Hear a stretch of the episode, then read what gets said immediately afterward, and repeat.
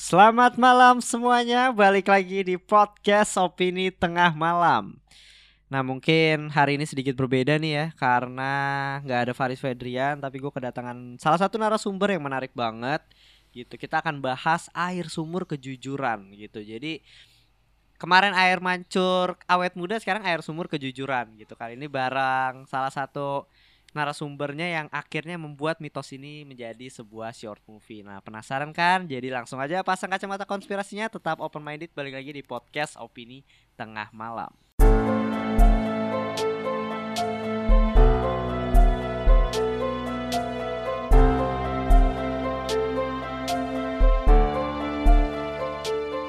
Nah, apa kabar para pendengar? Jadi langsung aja lah ya, nggak perlu basa-basi nih. Kita kenalin aja yang sebenarnya udah sering banget kita kolaborasi untuk podcast ada Kak Mustafa dari habis nonton halo, film. Halo, halo, halo, halo, halo, halo, halo, halo. Apa kabar Kak? Baik, baik, baik Bim. Gimana kabarnya juga? ya so far baik juga gitu. By the way kita udah pernah berpodcast bareng ya sebelumnya Mandalorian.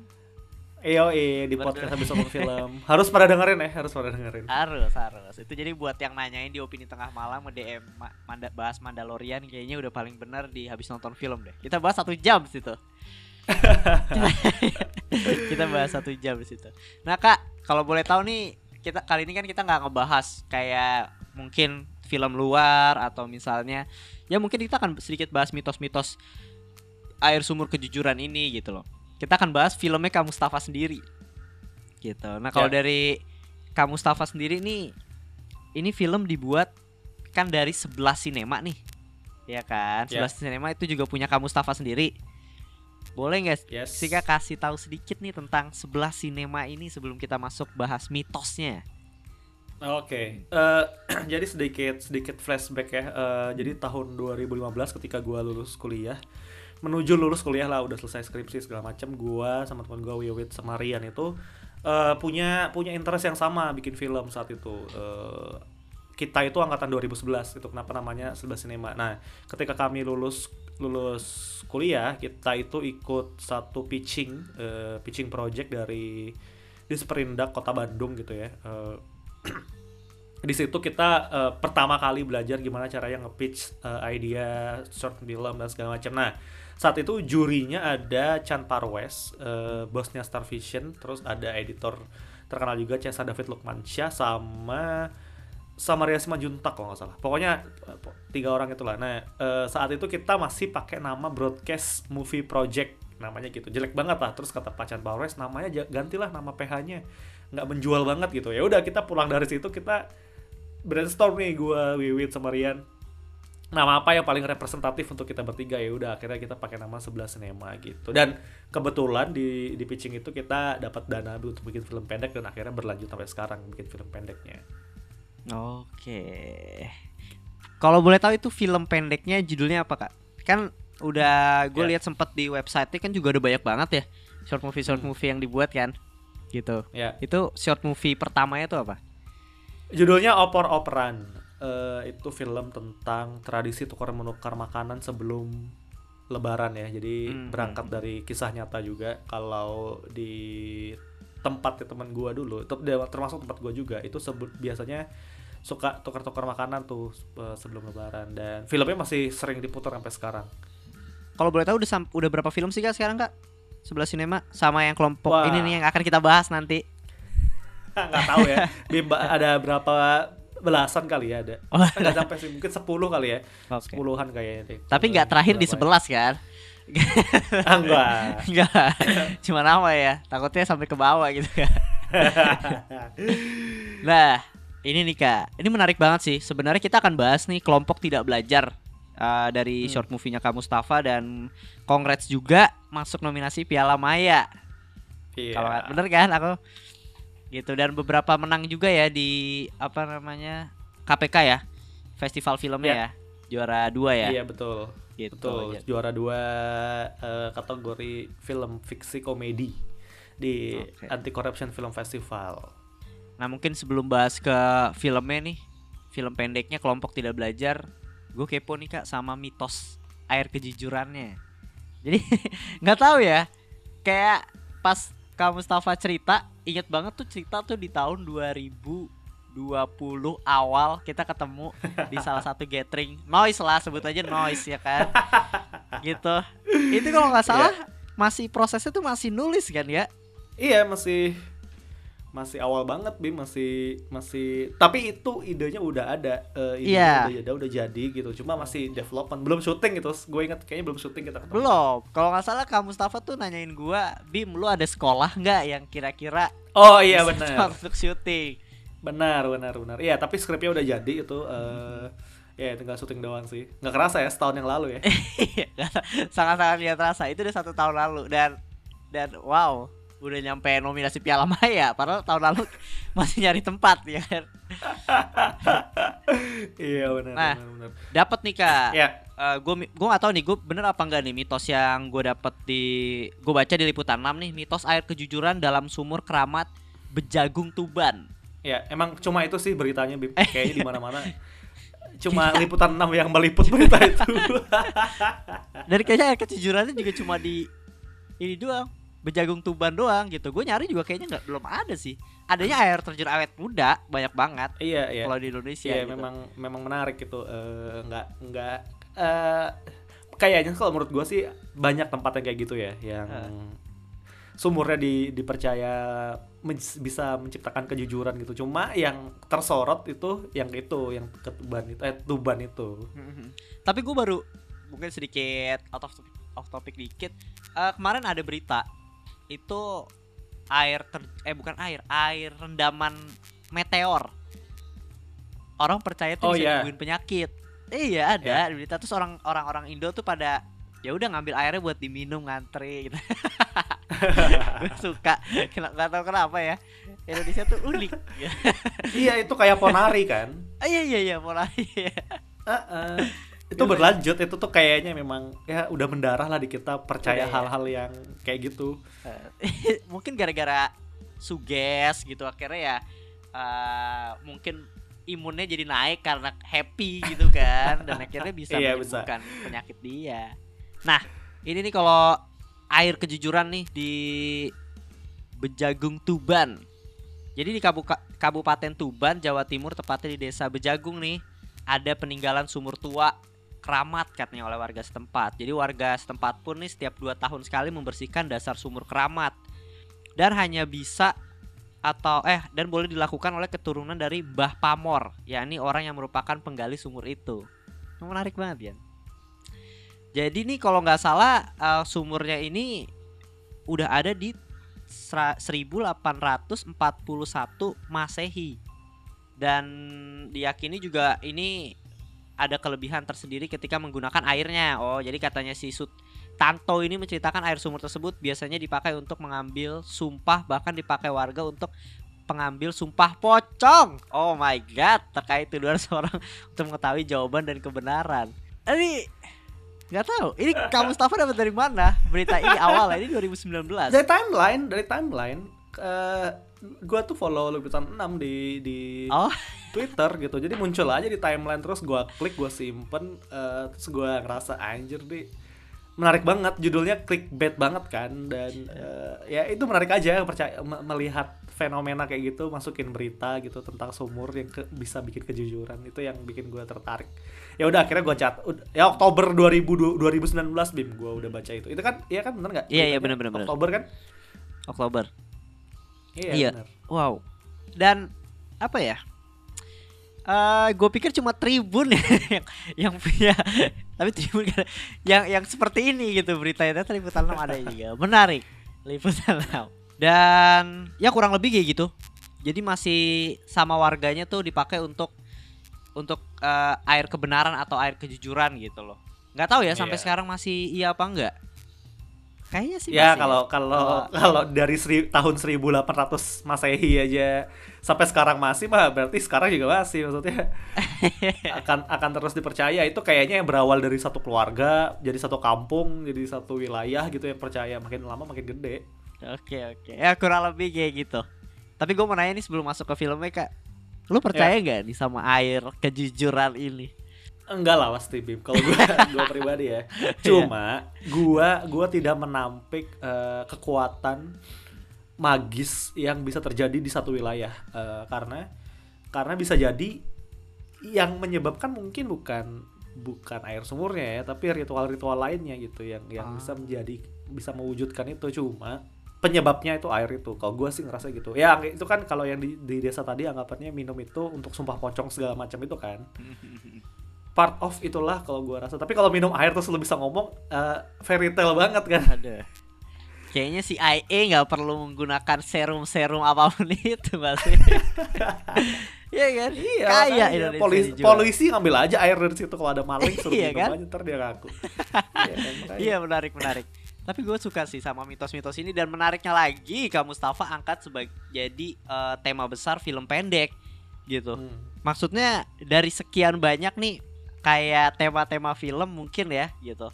Kenapa harus ngambil tuh air kebenaran atau air kejujuran gitu? Ya gue gue juga beberapa kali nonton uh, short movie-nya sebelah sinema gitu kayak oper-operan gue iya. oper operan gue udah nonton sama yang Johnny sok-sokan kalau nggak salah judulnya pokoknya sekitar yeah. yang di angkringan yeah. yang dia yeah. pipis sembarangan yeah. ketemu polisi gue nonton lebih ke komedi ya kan yeah. dan kenapa nih akhirnya milih si air kejujuran ini. Apakah di, dari berita liputan 6 lainnya tidak bisa diangkat?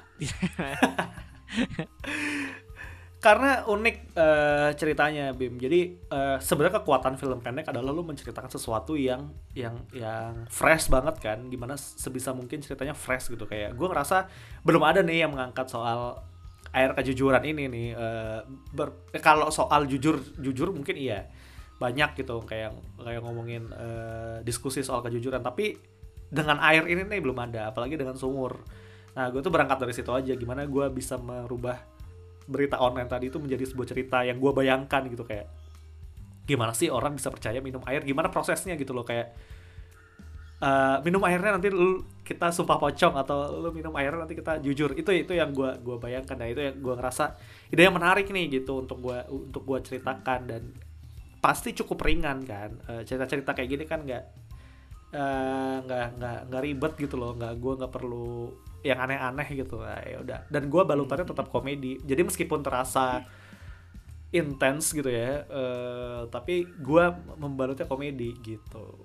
Suatu sesu, mitos mitos itu gue balut dengan cara yang ringan lah. Iya iya iya. Biar bisa dinikmatin juga lah ya. Udah capek nih dengan yang berat-berat. Butuh tayangan-tayangan yang fresh gitu. Nah Uh, Kak, sebelum lanjut masuk ke filmnya lagi, mungkin Kak Mustafa bisa sedikit deh kasih sinopsisnya tentang kelompok tidak belajar ini gitu. Uh, tentang apa misalnya dan yeah. dan mitosnya ini tuh ditaruh di bagian mana gitu. Oke, jadi uh, kelompok tidak belajar itu ceritanya tentang satu guru dan empat muridnya dan uh, empat murid ini secara sengaja tak sengaja itu nilainya mirip-mirip gitu, nggak sama persis tapi mirip-mirip dan si guru ini yang udah lama ngajar di sekolah sadar kalau ini nggak mungkin nih.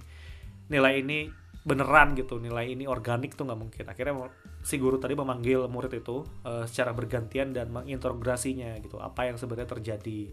Bener gak mereka mengerjainnya? Dan ketika si guru udah merasa uh, apa ya kayak ah, ini kayaknya nggak ada cara lain untuk membuktikan ini dia dia membaca sebuah koran dan koran itu bilang kalau ada satu tempat ketika minum air sumur dia akan ngomong kejujuran gitu. Jadi si guru terinspirasi untuk melakukan itu kepada murid-muridnya dan apa endingnya ditonton lah film. Mantap. Lah nah ini nih kak. Ini yang yang sebenarnya juga jadi pertanyaan gue nih. Ini kan ibaratnya kenapa ngambilnya tuh siswa SMA kenapa hmm. maksudnya kenapa nggak misalnya ada maling ketangkap polisi dan malingnya suruh minum nih gitu Kenapa hmm. harus siswa SMA dan mencontek gitu dan ada satu guru gitu? Uh, pertama gue harus tetap merelatkan dengan apa yang gue rasakan ya Bim. Uh, terlepas dari air sumur itu gue tidak relate sama sekali ya uh, gue nggak pernah merasakan itu tidak berada berasa nggak pernah dalam situasi itu tapi soal mencontek itu gue pernah terlibat kan di dalamnya ya of course kita semua pernah terlibat lah yes. uh, apalagi orang Indonesia gitu ya ketika mau ujian nasional paling enggak gitu atau dalam yang skala lebih kecil gitu ujian kelas gitu. Kita tuh ada hal mencontek itu dan kita selalu beras- berusaha untuk tidak jujur ketika ditanya kan. Eh, nyontek ke enggak lah gitu. Padahal ya ada pasti nyontek nyonteknya dikit. Itu yang gue coba terapkan. Jadi gue tahu paling enggak sense orang nyontek tuh kalau ngeles tuh kayak gimana. Dan karakter-karakter itu tuh representasi eh, banyak banyak hak banyak kalangan lah. Kok gue sih menggambarkan itu. Jadi istilahnya gue mencoba membuat film ini dekat dengan gue supaya dekat dengan orang lain dulu. Berarti emang ya gue juga ngerasain sih pas ketika gue nonton ini dari karakter-karakter yang di ada di kelompok tidak belajar ini tuh pasti temen gue tuh ada yang kurang lebih mirip sama karakter itu gitu. Jadi gue gue ngerasain Iya. kayak ya ya ya bisa nih waktu zaman zaman SMA tuh sengganya ada lah. Kegiatan mencontek mencontek tuh ada gitu. Yang hampir-hampir ketahuan tuh ada yang kayak gitu gitu ya iya makanya. Kurang lebih hampir semua orang pasti bisa relatable dengan eh, ceritanya juga sih. Ya menarik kak. Bener. Nah menarik nih ini gue banyak pertanyaan sih. Gue gak bakal review Oh, filmnya. Karena filmnya udah gue review di Movie Freak ya. Ibaratnya recall silakan ditonton. Iya silakan ditonton. Jadi kalau di sini pengen kepo aja sih Sama mitos air kejujuran dan ya. film pendeknya nih. Ini produksinya nih kak Berapa hari sih? Dan mahal gak sih untuk produksi ini? By the way boleh di spill gak sekolahnya tuh di mana? aduh gue nggak ingat namanya Bekasi lah pokoknya daerah Bekasi gue nggak ingat Waduh, eh, nama kalau Bekasi udah beda mana. universe nih itu kan ada dua lokasi ya di film itu di dalam ruangan dan di luar ruangan ya. Dalam ruangannya tuh di SMA luar ruangannya tuh di SMP Oh, oh iya kenapa nggak di itu tuh SMA ruangan yang sama? berbeda. Itu ruangan yang berbeda. Iya. jadi SM karena di luar luar luar ruangannya di SMA itu tuh warnanya jelek. Eh, ruangannya warnanya jelek warnanya kuning pokoknya norak lah. Gue gue lupa nama sekolahnya norak akhirnya kita ke biasanya ya eh, biasanya kan di Jakarta atau Bekasi itu SMA tuh kanan kirinya ada SMP lah ada SD lah ada TK lah segala macam itu karena itu kebetulan di sana ada SMP jadi kita syutingnya di dua tempat satu satunya di SMP sana gitu. Dan eh, syutingnya cuma satu hari dari pagi jam 7 sampai jam 12 ya jam 12 jam 1 malam. Eh terus budgetnya sekitar habis produksinya sampai habis ya hampir hampir 50 lah. Itu termasuk dengan post production ya eh bikin ini itu daftar ke sana sini gitu. Oke, ini dananya ibaratnya itu karena menang dari ini bukan? HP Mentorship Project. Iya, atau ini benar. salah satu dana pribadi juga dari sebelah sinema.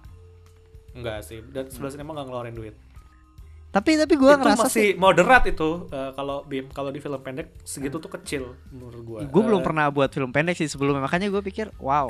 Iya jadi Kebayar jadi film sih. pendek itu kan Hah? iya enggak film pendek itu kan eh, banyak banget ya macamnya ada yang lu beneran gerilya gitu ya anggapanlah lu pakai HP terus ngedit di HP kan bisa kan banyak Mhm. banget yang bikin filmmaker kayak gitu tapi juga ada film film-film yang eh, kualitinya agak menengah gitu ya yang berusaha untuk tetap enak untuk dilihat di layar yang lebih besar. Ada juga ya film pendek yang udah rasanya kayak film panjang gambarnya tapi durasinya pendek. Jadi memang ada banyak jenisnya film pendek. Jadi kalau yang kita lihat eh, filmmaker filmmaker indie itu biasanya ya ya dengan alat yang ada gitu. Terus minta bantuan teman-teman. Cuma kalau memang bisa dapat modal pasti akan akan berusaha untuk seprofesional mungkin hasilnya. Kayak nge-hire aktor yang udah berpengalaman terus Mhm. eh, kameranya bagus musiknya bagus editingnya bagus gitu itu biasanya budgetnya habisnya ke sana Iya sih. Ya gue ngerasa kelompok tidak belajar ini gue pernah eh maksudnya di review kemarin gue juga bilang berasa nonton film pan maksudnya ya kualitas film panjang tapi ah durasinya lebih pendek. Itu gue ngerasa sih kak. Gue nggak tahu ya maksud gue kamera yang lu gunain tuh apa gitu. Dan gue suka banget jujur gue suka sekali sama eh, soundnya. Sound Hmm. editingnya gue nggak tahu kenapa ada beberapa part yang kayak matanya kiri kanan tuh dia kayak musiknya tuh ada yang ngikutin gue nggak tahu itu. Oh iya. Itu part of sebenarnya lu merencanakannya juga atau gimana ya? Tapi menarik banget. Enggak gitu. sih. Hah? itu enggak gue rencanain memang memang sound sound desainernya yang membuat itu gitu jadi emang dipasin kayaknya. Gue sih gue pas nonton ya udah suka gitu nggak gue nggak bakal revisi apa apa cuma gue nggak sebelumnya gue nggak terpikirkan untuk bikin kayak adegan kayak gitu. Eh adegan maksudnya men- mensinkronisasi antara musik dan gerakan matanya Bu Susi kan iya iya makanya gue ngerasa soundnya sih yang buat juga apa ya bisa ngebawa tuh kayak ini sebenarnya siapa Iya. sih nih yang nyontek gitu loh moodnya tuh bisa kebawa Iya, karena soundnya itu gue suka Iya, itu iya. gue suka banget Iya. dan by the way nih untuk film kelompok tidak belajar ini referensi filmnya tuh apa sih kak maksudnya ini kan juga jelas bad genius ya Wow, iya iya iya. iya. kerasa banget sih, pasti kerasa banget karena Heeh. karena gua beberapa shot bahkan gua mengambil Bad Genius sebagai referensi gue pengen ngambil gambarnya kayak gini eh, terus kayak gini eh, kalau kalau tatap-tatapan kayak gini dalam ruangan kayak gini gitu dan eh, selain itu ada film eh, You Are the Apple of My Eye lu pernah Iya nonton iya. nggak? Heeh. Nah tapi cuma adegan luarnya Iya menarik. warnanya gue gua berusaha untuk ngambil ke sana gitu itu dua film yang gue jadikan referensi Gue suka juga sama warnanya. Gue nggak tahu kenapa. Gue suka sama casting castingnya. Gue suka sama warnanya. Gue suka sama soundnya. Gitu. Jatuhnya kan. eh, ini gue mungkin kalau gue salah revisi gitu ya. Maaf nih. Ya. ibaratnya. Slow, slow, film slow. film pendek ini kan ibaratnya kekuatannya atau core-nya itu kan di dialog ya kak. Maksudnya untuk orang tetap nonton, tetap nikmatin itu kan dialog gitu. Karena nggak ada yang adegan action yang orang wah ngebuat gitu loh. Kayak full Hmm. full bisa dibilang melalui dialog gitu. Kan jadi tantangan juga nih kak. Dan juga dialog-dialognya juga menurut gue juga nggak cringe nih. Kalau ada beberapa film-film Indonesia tuh banyak gitu loh ya gitu. Nah, eh gimana sih cara lu nih gitu apalagi kan di sini case-nya tuh ada Bu Ratna ya ngetritnya gitu loh ya ya kita udah tahu Bu Ratna juga udah banyak sering banget main film gitu jadi pekerja teater Iya. juga gitu lu ngetritnya tuh gimana Maksudnya apakah Eh. ada ada segen-segennya nih? Gak enakan gak enakan. Nih ibaratnya atau Bu Ratna udah bebas deh mau ngapain aja gitu. Eh kalau spesifik untuk Bu Ratna sih eh, jelas dia udah aktor aktor aktor yang berpengalaman lah ya. Dia udah tahu eh, cara membawakan sebuah karakter tuh gimana. Cuma memang diskusinya lebih berat lebih ke ke dalam karakternya. Jadi bukan ke dialognya lagi kadang-kadang. Cuma eh, ini si Bu Ratna saat ini dia merasa apa dan Bu Ratna itu sebenarnya karakternya kayak gimana? Apakah dia itu galak? Terus apakah dia itu guru killer yang kayak gimana? Apakah dia di sini harusnya marah? Nah, yang lebih kayak ke sana Bim. Dan dialognya biasanya udah udah cukup cukup pres, precise lah. Kalau Bu Ratna itu eh, mengikuti dialog ya tinggal membawakannya dengan dengan wajah yang kayak gimana dengan dengan apa ya dengan aura yang kayak gimana itu yang lebih kita diskusin bareng gitu. Dan untuk menjawab apakah kekuatan film pendek itu dari dari dialognya segala macam. Sebenarnya kalau kalau dialog itu eh, berangkat dari karakter. Kalau karakternya jelas dialognya harusnya juga jelas. Misal ya eh lu nonton film Sherlock Holmes gitu ya serial Sherlock Holmes gitu. Kita udah tahu karakternya itu banyak bacot sok pinter deduksi segala macam. Jadi apa yang dia omongin itu itu udah udah merepresentasikan karakternya. Jadi karakternya udah jelas dulu baru di- dialognya keluar akan akan akan jelas akan akan terasa tidak cringe gitu. Jadi ketika dialognya udah misalnya ya kita udah bikin karakter eh, let's say kalau kelompok tidak belajar ada karakter ke- ke- eh, ketua kelas yang pakai kacamata itu. Itu gue desain ketua kelas ini ketika besar nanti dia akan jadi anggota DPR gitu. Eh, tipe orang yang suka ngeles lah apa pertanyaannya jawabannya apa. Ya udah karakternya berdasarkan dari sana aja. Akhirnya apa pun yang diucapkan dia adalah eh, bentuk ngelesnya dia gitu. Jadi eh, gerakannya pun iya eh, cara dia mengelak kayak gimana menghindari masalah kayak gimana itu yang gue coba tangkap gitu. Dan seharusnya sebaiknya film pendek itu menyimpan misteri sampai belakang. Jadi gimana lu men- menahan misteri itu pertanyaan-pertanyaan penonton apa pun genrenya ya. Ya, let's say apa pun drama mau drama gitu kalau misalnya drama endingnya kayak gimana sama kayak kalau kayak gua komedi kayak gini endingnya siapa yang ngaku Eh, apakah mereka ngaku atau enggak? Eh, terus kalau misalnya action siapa yang mati atau siapa yang selamat kayak gitu itu film pendek harus bisa sampai belakang dan belakangnya harus mukul harus nendang gitu harus harus gong. Nah itu jadi eh ya itu sih. Dialog salah satu yang penting tapi karakter lebih penting lagi. Oke. Iya iya iya. Benar benar benar. Gue cukup setuju dan cukup menurut gue kelompok tidak belajar tuh eh, bisa menutup rapat-rapat sampai ending gitu. Cuma gue nggak tahu ya apakah emang lu nggak pengen lanjutin endingnya gitu. Padahal gue sebagai yang nonton pun kayak ngerasanya kalau seandainya dia habis angkat tangan terus mereka berdebat gitu, gue masih masih menikmatinya gitu. Tapi kayak ah dah habis gitu ya gue gue suka gitu tapi gue butuh penjelasan terkadang gitu apa emang itu itu itu emang sengaja aja udah kayak gitu aja apa menurut lu itu yang terbaik ending terbaik versi sengaja? Bim. Sengaja karena eh, tujuan ceritanya adalah si guru tujuannya eh, membuat muridnya ngaku udah sampai sana aja.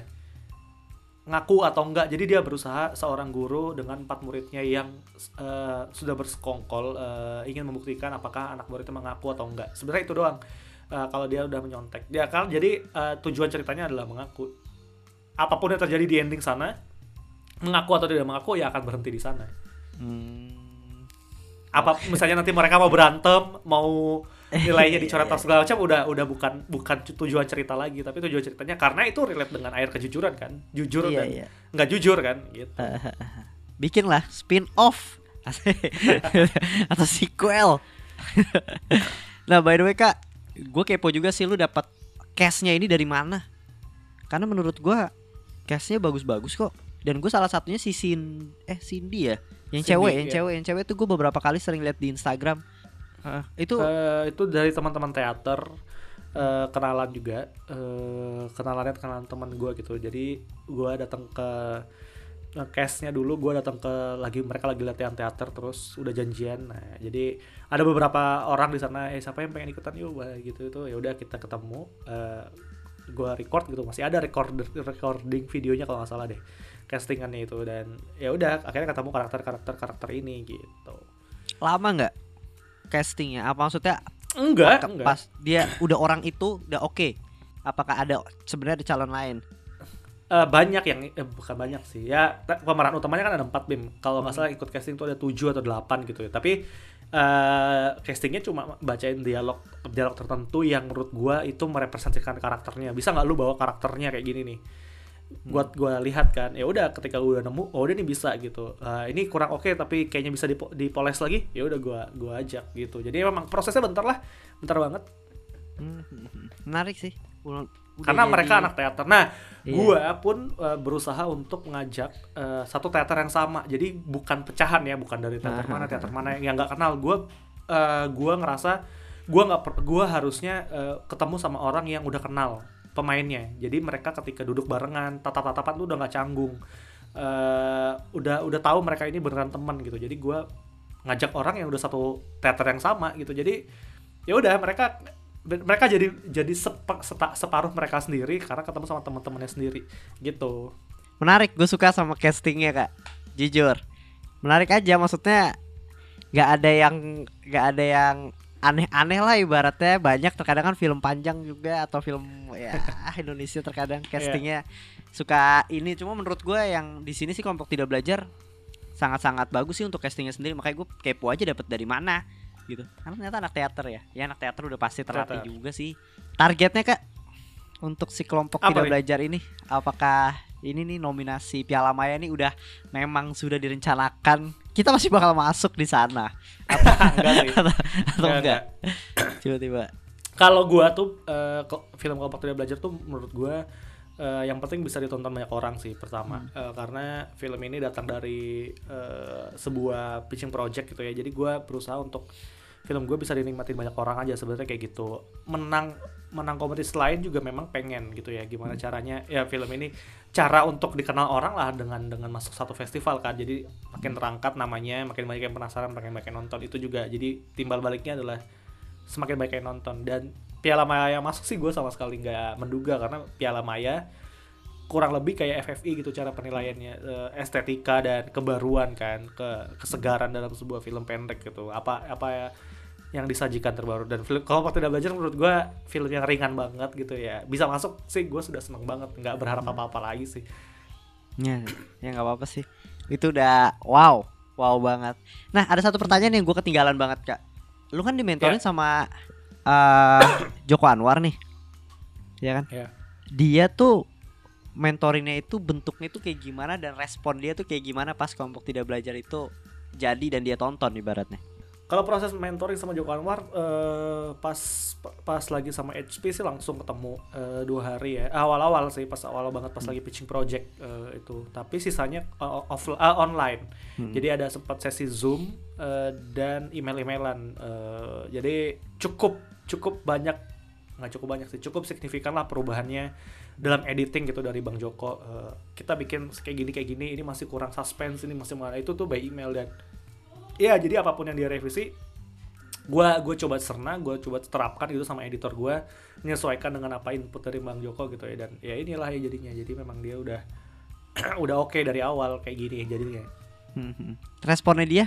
Ada nggak? Misalnya kayak Gua "Wah, nggak inget deh, gua- bagus banget nih gue atau gimana pas dia nonton? gue nggak inget sih kalau respon secara tertulis cuma pas kita pernah zoom satu kali sih dia memang suka dengan karakternya gitu. Jadi eh, eh, dia ngerasa kalau di film pendek ini karakternya udah solid udah cukup solid eh, dan udah cukup keluar gitu jadi ya cukup jelas untuk ditonton gitu ya gitu sih kalau seingat gue sih itu sih Tapi kenapa nih? Mungkin bisa Ya. jadi last questionnya nih ya. Kenapa belum tayang di YouTube-nya sebelah sinema kak? Apakah pengen dimasukin festival-festival dulu atau atau ya di KPK aja atau gimana? sementara sih biar di KPK aja ya biar eh, ditontonnya juga di sana aja nggak apa-apa kok kalau di sebelah sinema sih cuma biasanya cuma untuk eh, database aja kita tayangin di situ nggak ngejar view atau segala macam Hmm. ya sekadar ditayangin sana lah dan karena udah menang KPK gitu dan secara eligibility mereka berhak untuk menayangkan di YouTube mereka ya udah mumpung di di sana di sana aja nggak kenapa kenapa sih Oke, ada satu film nih, makanya gue tadi nanya itu ada satu film yang gue nggak tahu ya. Eh, gue harus nonton di mana? Tiket ke bioskop tiket ke bioskop ya itu belum belum itu Eh ada di tahu. Fitsi, sorry. Hah? Ada di Fitsi. Ada di Fitsi. A ticket gua kepo, namanya bahasa Inggris. Kalau nggak salah judulnya bahasa Inggris. A ticket to cinema.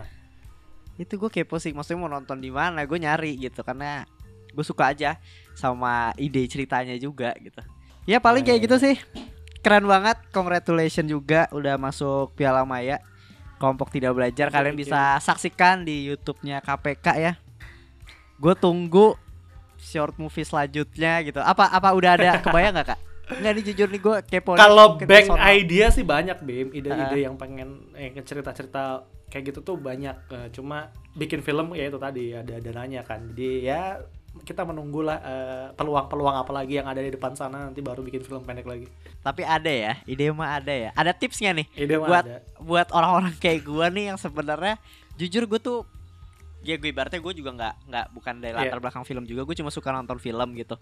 Ada beberapa ide cuma gue nggak ngerti gue nggak nggak ngerti cara implementasikan untuk Hmm. buat gimana step by stepnya kayak gitu gitu loh gak apa nih kan eh yang yang pasti sih kalau ada hal-hal menarik ya yang yang kita tangkap menarik di luar sana catat aja bisa terjadi dari diri kita sendiri atau dengan orang lain ataupun eh, berita segala macam. Itu biasanya gua catat tuh ide-ide kayak gitu. Dan biasanya film pendek itu relate dengan yang buat. Jadi sebisa mungkin jangan cerita terlalu jauh gitu kalau misalnya lu tinggal di Jakarta terus hidup dengan kemacetan terus lu berusaha untuk mengenal bagaimana uh, ke cerita tentang Eropa atau Amerika gitu kan terlalu jauh. Ya udah lu cerita aja tentang Jakarta tentang lo. Cuma perspektifnya adalah perspektif kita. Cari yang sesuatu yang menarik gitu ya.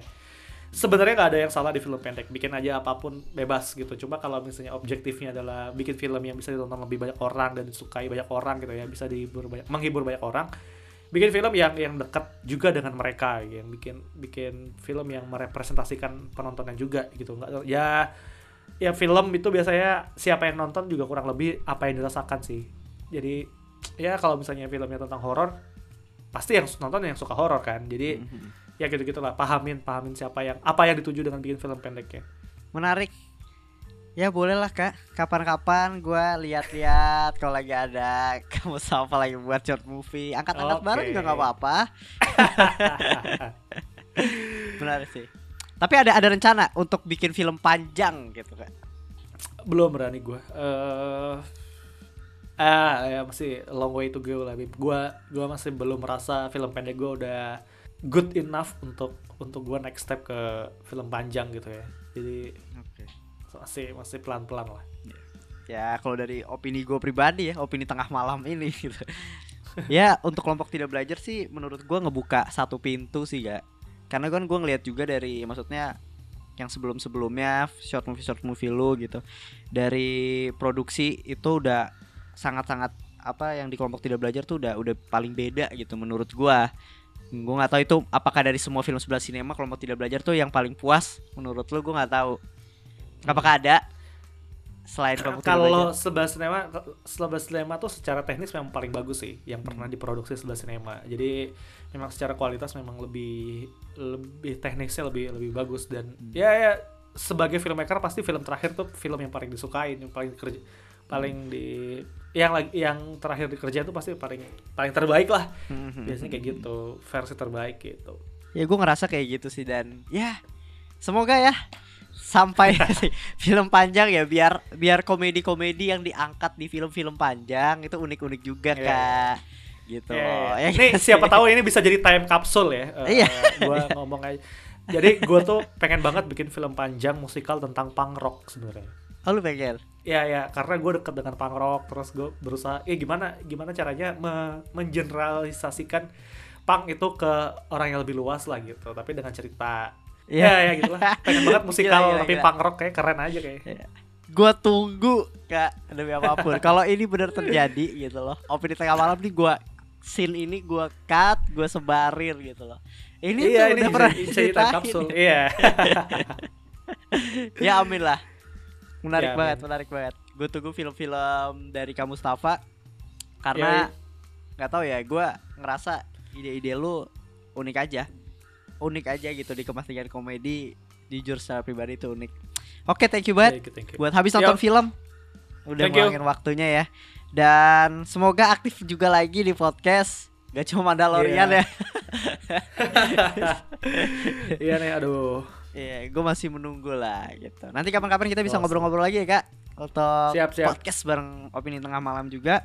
Siap. Dan untuk para pendengar nih bisa komen-komen, bisa langsung nonton aja. Untuk short movie-nya kelompok tidak belajar. Segitu aja sih. Jangan lupa follow Instagram opini tengah malam, follow Instagramnya habis nonton film, Twitternya habis nonton film, gitu juga. Pokoknya follow semuanya lah, dengerin. Oke, thank you segitu aja. Sampai ketemu di episode berikutnya. Bye.